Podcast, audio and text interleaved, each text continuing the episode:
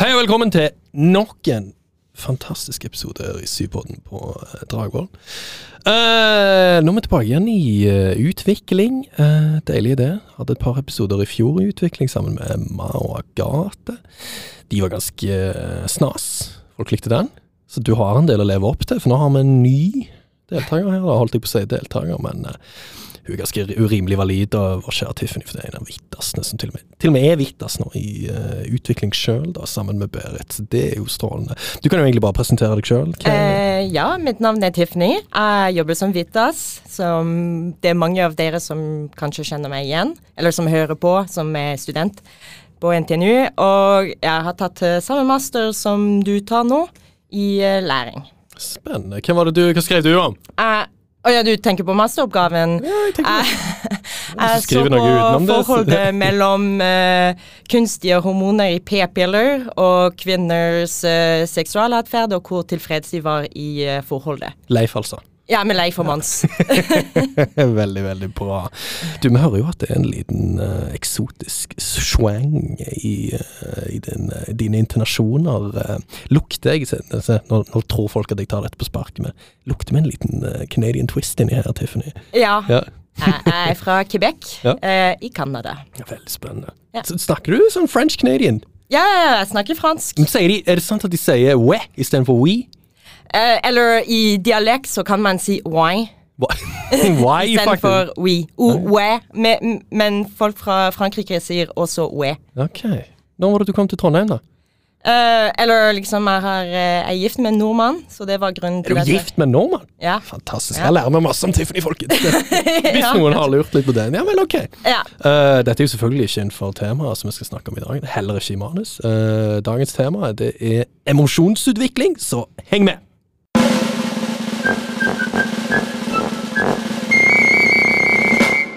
Yes! Da må vi vel eh, slutte å snakke om Canada, selv om det er veldig gøy. Kanskje vi kan slenge inn litt Canada underveis, men eh, vi kan jo iallfall starte med å spørre Tiffany. Hva er emosjoner for noe? Ja, eh, så det er ingen klar enighet om hva emosjoner er, og dette er selvfølgelig komplisert når vi tenker på andre affektive tilstander, som f.eks. stemninger. Er det emosjoner? Eh, Det kan man spørre seg. Men uh, ifølge Packer uh, så består uh, emosjoner av tre ting. For det første er det en fysiologisk respons, som f.eks. når vi er stresset. Hendene våre kan bli litt svette, og vi må kanskje tisse mye. Og så den andre komponent er den subjektive opplevelsen av emosjonen, som vi kaller for følelser. Og til slutt, eh, emosjoner er ledsaget av atferd, så det motiverer oss til å handle på bestemte måter. Og eh, vær bare litt obs på at følelser er ikke det samme som emosjoner. Eh, selv om i eh, dagligtalen eh, vi sier følelser og emosjoner, eh, og det betyr det samme. I psykologifaget refererer følelser kun til den subjektive opplevelsen av eh, en emosjon. Det er jo litt viktig å få med seg, da. Ja, veldig viktig for ikke å blande dem. Hvis man skal være litt presis på eksamensfronten. Absolutt. Ja. uh, ja, fortsett. Uh, men før vi begynner, jeg har et spørsmål til deg, Aleksander. Og sjeldent. Det er Tror du at kroppen og sinnet er to separate systemer? Kroppen og sinnet. Ja. Det var jo veldig filosofisk. Uh, uten å ha tenkt for mye på dette her, så skal jeg si fort og gale. Uh, la oss si ja. ja. Ja, OK. Ja. Ja, er, nei, jeg skal ikke kommentere. Uh, okay. Det er jo vanskelig å svare på, da! Se, nå, nå, nå kicker du meg i gang her. Vet du. Det, Ja. jeg begynner å tenke. Men du kan reflektere over det. Kroppen og sinnet. Sant? Jeg er jo historie, tidligere historiekollokvieleder. Der er det jo vanskelig å si at den ene eksisterer uten den andre, men samtidig er det veldig lett å si at den ene opererer helt fint uten den andre òg. På sett og vis. Så det er jo Er det kroppen som opererer helt fint? Eller Nei, altså jeg tenker de jobber fint med hverandre, altså Å, ja. kroppen og sinnet, på sett og vis. Men uh, begge to kan uh, Man kan også argumentere for at man uh, kan sikkert finne noen gode argumenter på at den ene klarer fint å operere Ja. på sett og vis uten den andre. Uten kropp så er det vel vanskelig å ha sinn, men ja. Kropp Ja. og sinn, kanskje. Kanskje det er det. Det er okay. det to separate systemer. Ja, ok. Da går vi videre. Neste spørsmål. Jeg får ikke noe sånn fasit engang. ok? Neste spørsmål. uh, ok, men eh, hva med emosjoner eh, og kognisjon? Tror du de er liksom helt motsatt fra, hverandre? Ja, nei. Uh, jeg tror man veldig tydelig kan definere enkelte kognitive evner, sånn som for eksempel eh, working memory og inhibisjon og mange av de der klassiske eksekutive funksjonene. Samtidig så tror jeg òg at en affektiv tilstand, og da til sett og vis emosjoner, kan påvirke kognitive evner. Så eh, jeg tror nok de henger sammen, men de kan òg operere helt fint alene. Ja, ok. Det var et bedre svar enn den forrige, syns jeg. Det, der lirka jeg autoritet, faktisk, merker jeg. Så jeg var mer fornøyd med den enn den forrige. Ja, ok. Men, men det, uansett så skal vi komme tilbake til det litt Får senere. ikke fasit nå heller. Nei, nei, for jeg vil at du skal høre på podkasten, eller liksom være med i samtalen, okay, og så kan eh, Men får jeg svar etter hvert, da? Ja, det, det får du. Ja, okay. Og du kan til og med kommentere om du er enig eller ikke. Siden jeg har definisjonsmakt i poden og redigerer Nei da. Men ja, veldig kult. Interessant. Eh, ja, fordi som du nevnte, det er mange mennesker gjennom historien som har sett på emosjoner som noe primitivt og upraktisk, eh, som svekker dømmekraften. Eh, man skulle tro, eh, hvis man tenker på den måten, at hvis emosjoner er så skadelig for oss, at eh, naturlig seleksjon ville valgt dem bort. Men de er til stede, og i nesten alle dyr, i ulike grad. Alle dyr, altså. Ja, eller i ulike grad. Ja. Så det, du, det er ikke Eller- ofte du ser en illsint fugl, men du kan se en illsint fugl. Eller en illsint fisk. Ja. Ja. I, uh, er eh, jeg tenker- eller jeg- jeg sa i ulike grad. Ja, men jo mer jeg tenker på det, det finnes jo mange illsinte fugler, faktisk. Det var et dårlig eksempel. Ja. Jeg er jo fra Stavanger. Du, eh, ikke, du, du kommer ikke fra Seaside Quebec, altså. Uh, ja, eller jeg har tilgang til elven, men uh, nei. Så du har ikke sånn illsinte seagulls uh, fra barndommen, som du husker? Nei, men jeg bodde i Bergen før, så jeg har Sant, der du kjenner jo til illsinte måker da. Det Ja. var akkurat det jeg skulle si. Vestlandsmåker er jo helt jævlig. Ja, de kan være truende. Eh, de kan tro det. Hvilken funksjon har emosjoner? Ja, ok. Så uh, Darwin mente at emosjonenes funksjon var først og fremst uh, At de bruktes først og fremst til å kommunisere med andre dyr.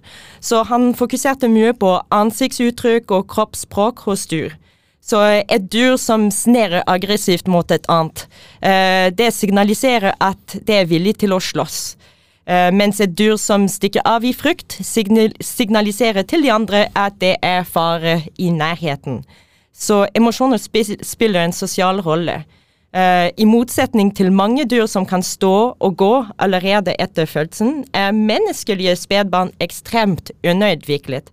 Så dette betyr at de er veldig avhengige av om omsorgspersoner ved fødselen og i mange år fremover. Så um, alle som har vært i nærheten av en baby, vet at de er veldig flinke eh, til å få dekt behovene sine. F.eks. ved å vise emosjon, som f.eks. gråt hvis de er sultne eller ubehagelige eller søvnige osv. Ja, det er jo veldig sant, egentlig. Ja. Uh, men eh, hvis dyr har emosjoner, da, sånn som du sier, og det tror jeg på, selvfølgelig har de Ja. det. Alle som har et kjæledyr noen gang, vet jo at det er emosjoner involvert. Jeg får en veldig illsint hund hjemme, iallfall, når jeg er hjemme i Stavanger. Hvis han ikke får akkurat viljen sin hele veien, kan han surmule litt. Ja. Men hvis dyr har emosjoner, kan man si at disse er medfødte og universale, Tiffany? Um, ja, eller det er mange som Eller det er spesielt Paul Ekman som tror det. Eh, så han har kartlagt seks emosjoner som finnes på tvers av kulturer. Og disse er tristhet, glede, frykt, overraskelse og avsky. Og disse seks er kjent som primære emosjoner. For at de karakteriseres av distinkte fysiologiske aktiveringsmønstre, følelser og åpenhet for stimuli og ansiktsuttrykk. Ekman er vel grei å ha for seg både i sosiale personligheter òg, egentlig, når jeg tenker meg om. Ja. det? Ja. Er det, står han i uh, utviklingsboken òg, da? Ja, han står i utviklingsboken. For en revolusjonerende tid vi lever i. Han var, han var ikke nevnt i min tid, husker jeg. Så dette er I boken? tider. Ok, Ja. Berit, ja. Berit er opp og frem, opp og nikke, altså. Det er veldig, veldig sterkt. Ja. Uh, så Pugg, Pugg Ekman, det kan være deilig for to fag. Det er veldig, veldig Ja, godt. to fluer med en smekk. Yes. Tror du, uh, eller til et annet spørsmål, tror du at eh, avhengigheten til babyer og barn har påvirka levemåten til mennesker, eller mennesker generelt? Ja, så klart. Ja. Ja, så, ja det tenker jeg. Uh, å oppdra et slikt avhengig barn er ikke noe en mor kan gjøre alene. Uh, det krever støtte fra andre, spesielt hvis vi tenker tilbake i tiden. Eh, da liksom var vi enda mer avhengige av hverandre. Ja, kanskje da, men kan vel egentlig si det nå òg, da. Ja, selvfølgelig. Det er jo kjekt å ha et crew. Ja. Eh, så Packer han snakker om, eller han skriver om biologisk og samfunnsmessig evolusjon.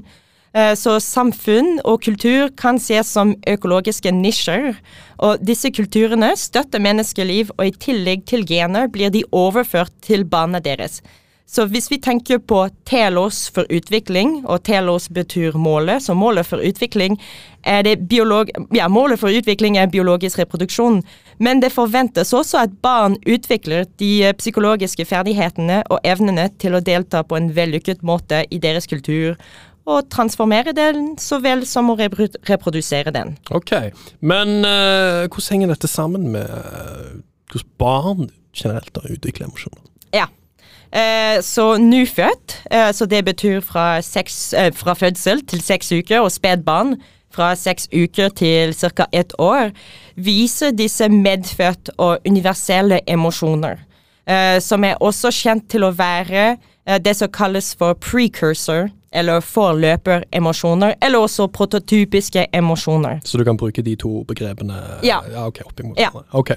Eh, så, det natur, så det er naturlig for en voksen å tro at dette tidlig uttrykk for emosjoner gjenspeiler barnets indre tilstand. Så hvis man ser et barn smile, så tror de voksne at han eller hun er glad. Eh, men det er ikke nødvendigvis tilfellet, eh, fordi disse følelsene er automatiske og bevisstløse.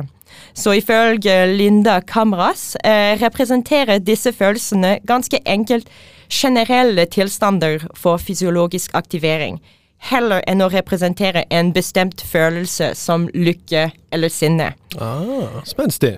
Ja, og uh, du har sikkert hørt om begreper som misattribution of arousal, når man tror Veldig, veldig ofte brukt i hverdagen Ja. min. Ja, miss.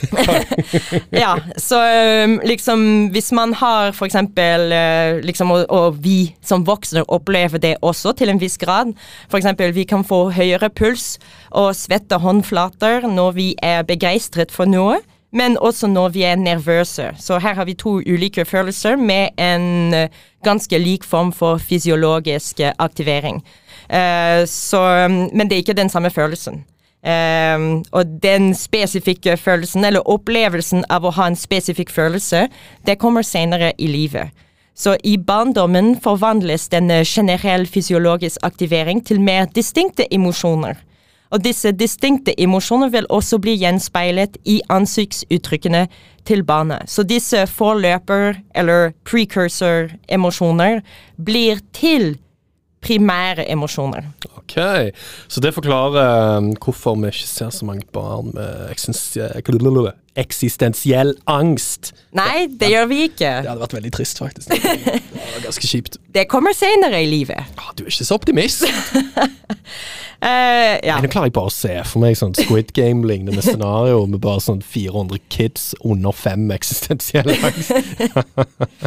Men uh, hvordan skjer dette her, da?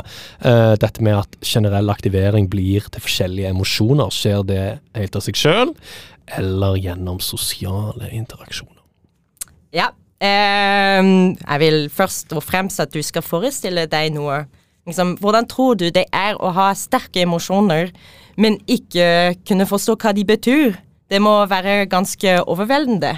Ja, det høres ikke så kjekt ut. Nei. Eh, så babyer trenger hjelp til å forstå alt dette her. Fordi de forstår ikke hva de opplever, er barn ikke i stand til å regulere emosjonene deres. Så fra fødsel til småbarnsalderen finner vi det som heter interpersonell regulering, eller mellommenneskelig regulering. Og i denne alderen skjer dette mellom omsorgsgiveren og barnet. Så omsorgsgiveren hjelper barnet til å regulere seg sjøl, fordi den er ikke i stand til å gjøre det Ja. alene. Uh, og omsorgspersoner hjelper spedbarnet til å bedre forstå emosjoner ved å uttrykke emosjoner sjøl, men også ved å legge merke til spedbarnets emosjoner og vurdere hva som gjorde spedbarnet emosjonell til å begynne med. F.eks. ved å si noe som 'pappa er hjem' og smile, eller lage et trist ansikt som svar til en høy lyd som fikk barnet til å gråte. Og nå snakker vi, nå snakker vi ennå om øh, ganske små barn, da. Ja, Altså, spedbarn. Ja. Spedbarn ennå. Ja, ok, det er greit for meg å si. Ja. Eh, så hvordan omsorgspersoner tolker og reagerer til et barns emosjonsuttrykk, er selvfølgelig påvirket av deres egen kulturelle holdninger på hvordan emosjoner skal uttrykkes, og hvilke emosjoner er passende i visse situasjoner. Eh, Så omsorgspersoner, eller foreldre, det, det er ofte samme personer, eh, de kan oppmuntre til uttrykk for noen emosjoner, men ikke for andre. Så omsorgspersonen tolker babyens eller smårollingens emosjonelle uttrykk og reagerer på det på en måte som gir mening for dem. Og denne koordinering mellom spedbarn og omsorgspersonen, det blir referert til som primær intersubjektivitet. Jeg slenger inn én ting der når du sier at det som oftest er foreldre, men det trenger jo ikke være det heller. Altså Det kan være Nei. nær familie, eller det kan være eh, en bror, eller det kan være altså nære Jeg tenker det kan være lurt å forbeholde seg at nære relasjoner kan være passende når man Ja. skal skrive om det, og ikke bare foreldre. Nei. Jeg tenker Det kan være veldig fint å ta med seg, egentlig. Uh, og det blir iallfall relevant når uh, du kommer litt opp i alderen, sånn type mellom tre og fem, da, eksempel skal begynne i barnehage. Da er det en, en vesentlig del at du får med deg at eh, at eh, når det kommer til dette med emosjonsutvikling, det skal du sikkert nærme Ja, innom etter hvert òg, da. Men uh, det er greit å få med seg at det, det er et skifte der mellom ok, helt fra når du er null til ni måneder, kanskje sånn direkte veldig nær relasjonsfigur i f.eks. mor eller far, men så etter tid, selv om du er fra null til tre, så kan det involvere flere folk som er nære relasjoner, eventuelt familie. Ja, det er bra du nevner det. Så i begynnelsen Det er derfor jeg er her, vet du. Det, sant, jeg må jo ha litt uh, virke, jeg òg, men ja, det er bra, det. Ja, eller bare for, å- for å, å liksom gjenta det, så menn og menneskelig regulering, eller interpersonell regulering i begynnelsen, bare mellom omsorgsgiveren og barnet, og som du sier, den blir utvidet etter hvert. Men det skal vi eh, komme tilbake til litt seinere. Oh, ja, ok da. Unnskyld. Men nei, nei, men det var veldig bra at du eh, nevner det da. Nå, er det- er viser det- at du forstår. Ja, det er bra. Er det? Men eh, tilbake til temaet, da. Det er denne jeg ser du nevner denne Holodinsky. Ja, Uh, Holodinsky omtaler denne prosessen, som er nettopp nevnt, liksom koordinering mellom barn og uh, omsorgspersonen. Han omtaler det som naturlig biofeedback-opplæring. Et sexy ord, egentlig. Ja, Biofeedback-opplæring. og den responsen gir barnet muligheten til å oppdage forutsetninger eller forhold mellom eh, emosjonelle uttrykk, årsaken til uttrykkene og omsorgspersonens respons. Eh, for å forklare dette på en eh, behavioristisk måte eh, Barnet lærer at det å vise et, en bestemt emosjon kan få et eh, bestemt utfall. Og dette er operant betinging, så ved å lære dette vil spedbarnet snart kunne kontrollere hvordan de uttrykker følelsene sine på en frivillig måte, og få ønsket resultat. Så barnet lærer ok, hvis jeg gråter, så får jeg mat. Ja, kult. Uh, men du har jo sikkert nevnt det litt da med liksom denne her refleksive atferden til spedbarn. Men kan eh, småbarn kjenne igjen emosjoner i andre mennesker? Eh, til en viss grad. Hvordan definerer du småbarn her nå, egentlig? Og det er litt greit å vite. Eh, eller her Ja, småbarn. Ja. Eller nå skal jeg prate om spedbarn. Ok, ja, Så spedbarn da ennå. Ja. Ja. Eh, så rundt eh, tre og halv måneder responderer spedbarnet mer til emosjoner i kjente personer enn hos fremmede. Og rundt fire måneder begynner de å legge mer merke til emosjoner hos fremmede. Og i tillegg til det kan de ikke bare legge merke til emosjoner hos andre, men de kan også kjenne igjen forskjellige emosjoner, så de kan si 'se forskjell'. Det går veldig fort, da, egentlig, den utviklingen der. Ja, Ja. Eh, det høres ut som uh, altså det, det det høres ut som her, da, det er at barn bør håpe på at uh, omsorgsgiverne så de har, er flinke til å lese emosjoner. Ja, Ja. det faktisk. Det er jo veldig, jeg, jeg ser du har skrevet det her, men det er jo, det er jo, ganske, det er jo et litt radikalt utsagn, på sett og vis. da. Altså, kan man, Hvis vi skal kalle dette her et sånt der universell evne, på sett og vis, da. For det går jo greit med de fleste barn, da, kan man vel si. Det gjør det. Det gjør jo det. Ja. Så til en viss grad så tror jeg man kan si at de fleste mennesker uh, på sett og vis er, er, er ganske flinke til å lese av emosjoner. Ja. Uh, på, noe som, på, på en sånn generell basis. Ja, ja, ja. De fleste Ja, nei, men det er Det bra du hørtes så ekstremt ut når jeg sa det, sant? at de bare håper på at omsorgsgiverne er flinke til å lese emosjoner. har du skrevet. Men det tror jeg skal gå greit. altså. Sett og mm. Ja, vi, vi kan nesten si at på den alderen så kan et barn ikke håpe heller. Men, men du Det er òg sånn, sånn eksistensiell krise og håp. Vi gir mye tyngde på disse kidsa her foreløpig, men du skal få lov å fortsette. Ja, ok. men, eh, men ja, den bør håpe, eh, på en måte. Men eh, du har sikkert hørt at det å være søt er en måte å fremkalle omsorg på for, fra foreldrene. Eh, vel, foreldrene rapporterer at de føler seg mer tilknyttet barnet når barnet smiler. Så de tolker dette smilet, som jeg sa før, selv om barnet ikke opplever det som glede. Foreldrene tolker dette smilet som form for oppmuntring. Så det er en positiv forsterkning. Og man kan selvfølgelig argumentere for at eh, kvaliteten på primær intersubjektivitet kan variere. Og Da mener du mellom barn og omsorgsgiver og dette samspillet da, som vi snakket Ja, om det er sam ikke samspillet. koordinering av samspillet. Eh, så hvis en eh, forelder ikke kan forutsi barnets behov nøyaktig, kan dette trolig være veldig frustrerende for både barn og foreldre, fordi den bare fortsetter å gråte. Ja, det skjer vel egentlig hele veien, tenker jeg. Det er Ja. en læringsprosess. Ja, ja, ja. Eh, og foreldrene varierer også i eh, sensitivitet. Så sensitivitetsbegrepet er nærknyttet nær til Bowlby og Ainsworths eh, tilknytningsteori. Eh, men jeg skal ikke diskutere det i dybden, siden du allerede har en flott podkastepisode om det. Uh, disclaimer, det, det her har jeg jo lagt inn helt sjøl. Det har ikke jeg lagt inn i det hele tatt. Så der får vi gratis reklame, folkens. Det er jo bare å gå rett og høre på den episoden etter du er ferdig med denne magiske episoden. selvfølgelig. Ja, selvfølgelig. Fantastisk eh, god reklame. Jeg blir så glad nå jeg smiler jeg. Eh, Smilens dag. Men eh, for å definere sensitivitet, eh, sensitivitet eh, Det kan defineres som omsorgspersonens evne til å oppfatte spedbarnets signaler nøyaktig og svare på en rask og hensiktsmessig måte. Men som med alle ting kan man stille seg noen spørsmål. Hvordan definerer man nøyaktig oppfatning av barnets emosjonelle uttrykk? Og hva er en passende respons? Omsorg handler ikke bare om å svare på signaler, men også om å tolke disse signalene. Og omsorgspersonens tolkninger avhenger av deres egne verdier, forventninger og av kulturens normer. Her må du utdype litt, for nå begynner du å, begynner du å leke i sånn der perspektivfarvann som gjør at Berit sitter og gnir seg i nevene, som vi sier i Stavanger. Dette liker jeg, dette kulturperspektivet som du hinter litt til her. Så hvordan da? Hvordan er det det fungerer? Hva tenker du her? Ja, vel, ifølge funn fra Six Culture-studien, foreldre har ulike oppdra- oppdragelsesstiler, og disse er avhengig av kulturens kompleksitet. Eh, Så enklere samfunn krever samarbeid, mens komplekse samfunn med en hierarkisk struktur og flere roller krever konkurranseevne. I enklere samfunn utføres husholdningsoppgaver av kvinner som hjelper, som hjelper barna, eller barna som blir hjulpet eh, av kvinnene. Eh, I mer komplekse samfunn, derimot, er barn ikke involvert i voksenarbeid.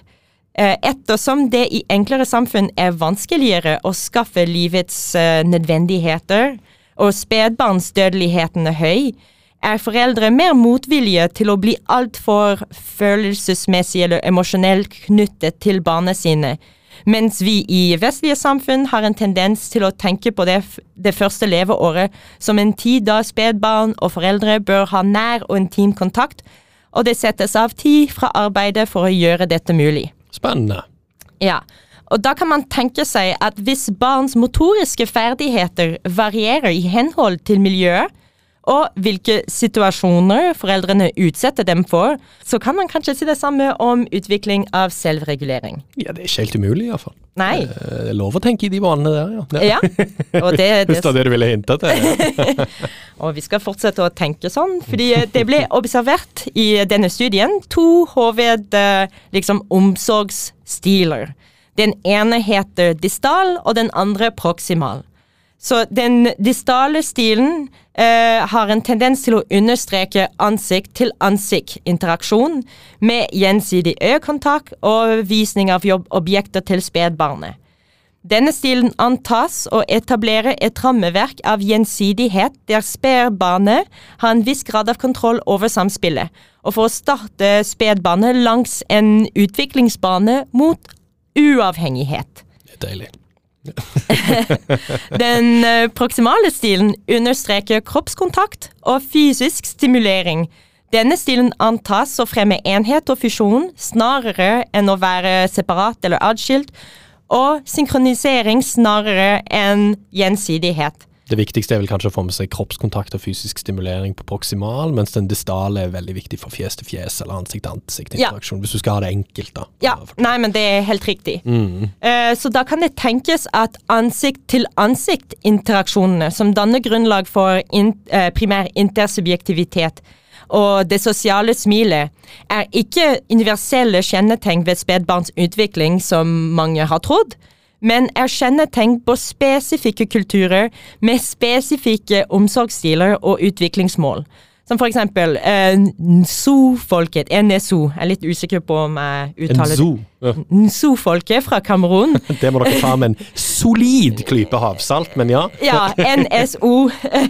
Eh, For det folket som kommer fra Kamerun, er den ideelle babyen eh, mer nøytral, da roen anses som ønskelig.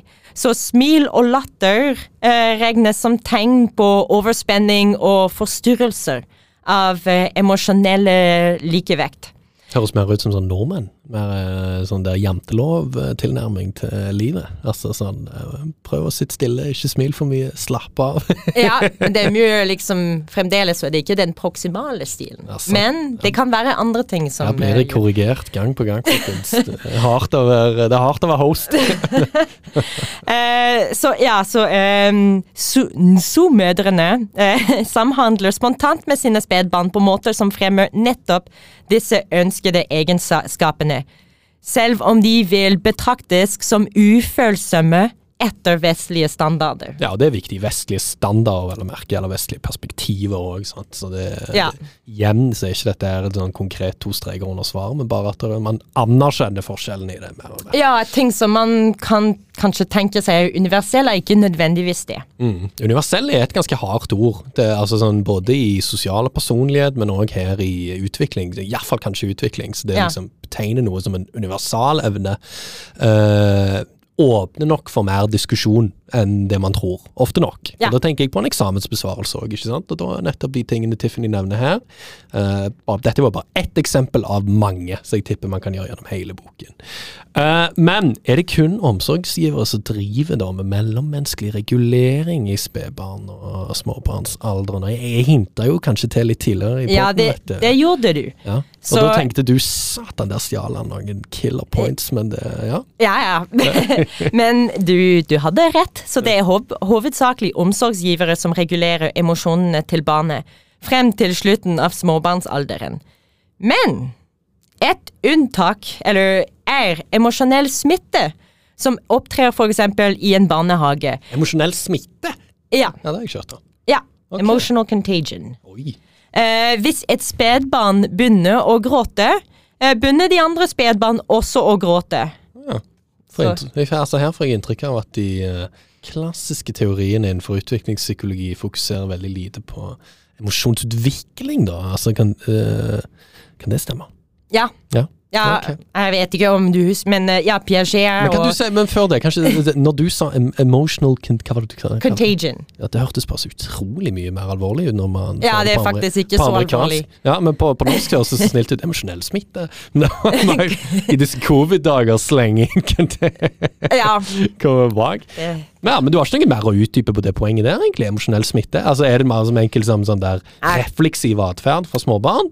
Eller jeg kan synse litt, men uh, Ja, det da liksom en stor advarsel at det er synsing. Ja. synsing. Men jeg kan tenke meg at liksom, det må være et eller annet, liksom en funksjon der. Hvis Mm. liksom et barn begynner å gråte, og hvis vi vet at frykt eh, kanskje tegn på liksom er Emosjoner brukes til å kommunisere. Mm. Så jo mer bråk det er, kanskje jo mer liksom Det er et enda tydeligere tegn til omsorgspersonene at her skjer det noe, kom. Mm.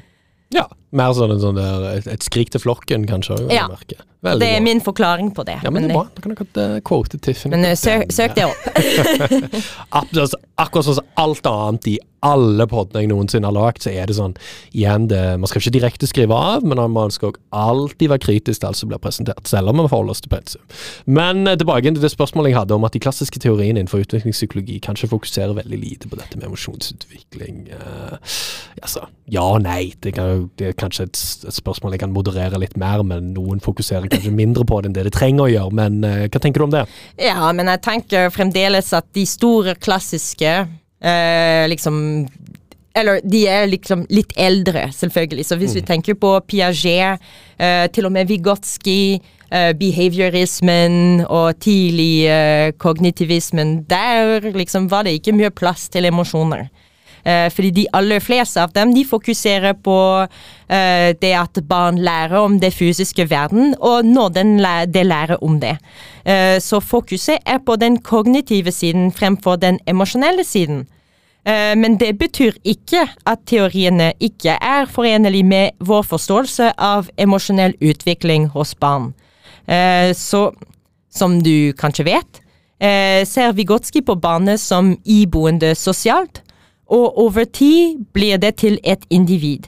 Så i løpet av denne tiden er spedbarnet en del av det Vygotsky kaller det store vi Det kollektive vi òg, på sett og vis, da, hvis det hjelper noen, uh, på sett og vis. Ja. ja veldig viktig å huske ja. at Vygotsky òg tenker disse teoriene for de som ikke helt henger med på Vygotsky ennå. Så det er sånn, greit å ha for seg dette med det sosiale perspektivet til Vygotsky. Og jeg vet ikke altså, hvor godt blir uh, nå, nå, har jo jeg hatt en Når jeg var klokkeleder i utvikling i sin tid, så hadde vi den gamle boken, så jeg vet ikke hvor mye de hopper inn på Vygotsky i den nye. Men, det er ganske mye om Vygotsky. Ja, sikkert mer enn den gamle boken. da. Ja, ja jeg har ikke lest den gamle boken, men Å nei. Nei vel. Da har du gått glipp av noe. Men iallfall for de som ikke helt henger med på Vigotski ennå, så er det òg eh, både en episode om Piaget og Vigotski som ligger ute, til og med en todeler. Så den kan dere òg sjekke ut av hvis dere trenger litt mer juice på den.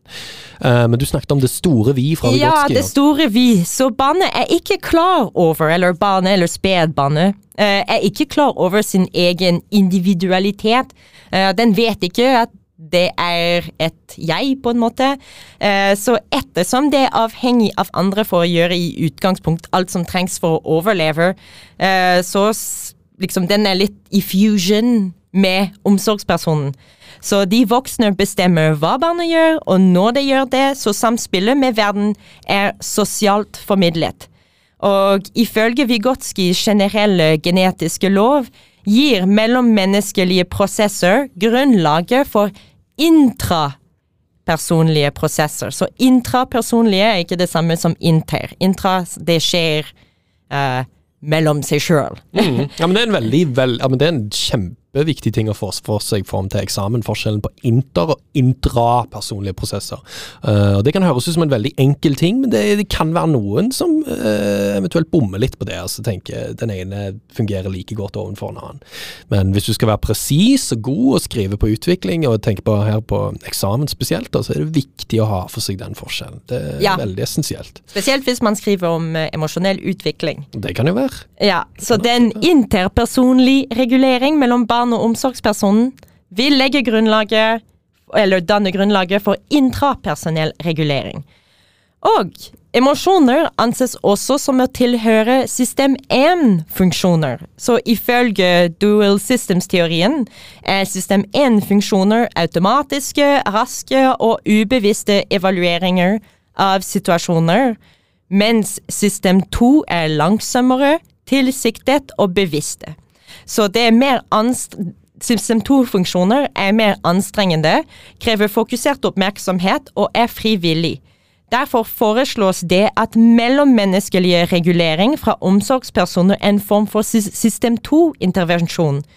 Omsorgsgiveren gir system 2-funksjoner til barnet sitt som ikke kan det alene. Veldig bra. Uh, jeg tenker at vi sier at det er del én, uh, for øyeblikket. Uh, og så da er det Vi skal fortsette veldig direkte på det punktet vi slutter nå, fra del én til del to. Så i del to så kommer jeg til å fortsette på det spørsmålet, hvis folk har lyst til å finne ut liksom hvor vi er hen nå. Så nå har Tiffany svart på spørsmålet mitt, som er at de klassiske teoriene og hvordan de fokuserer på Noen av de fokuserer veldig lite på emosjonsutvikling.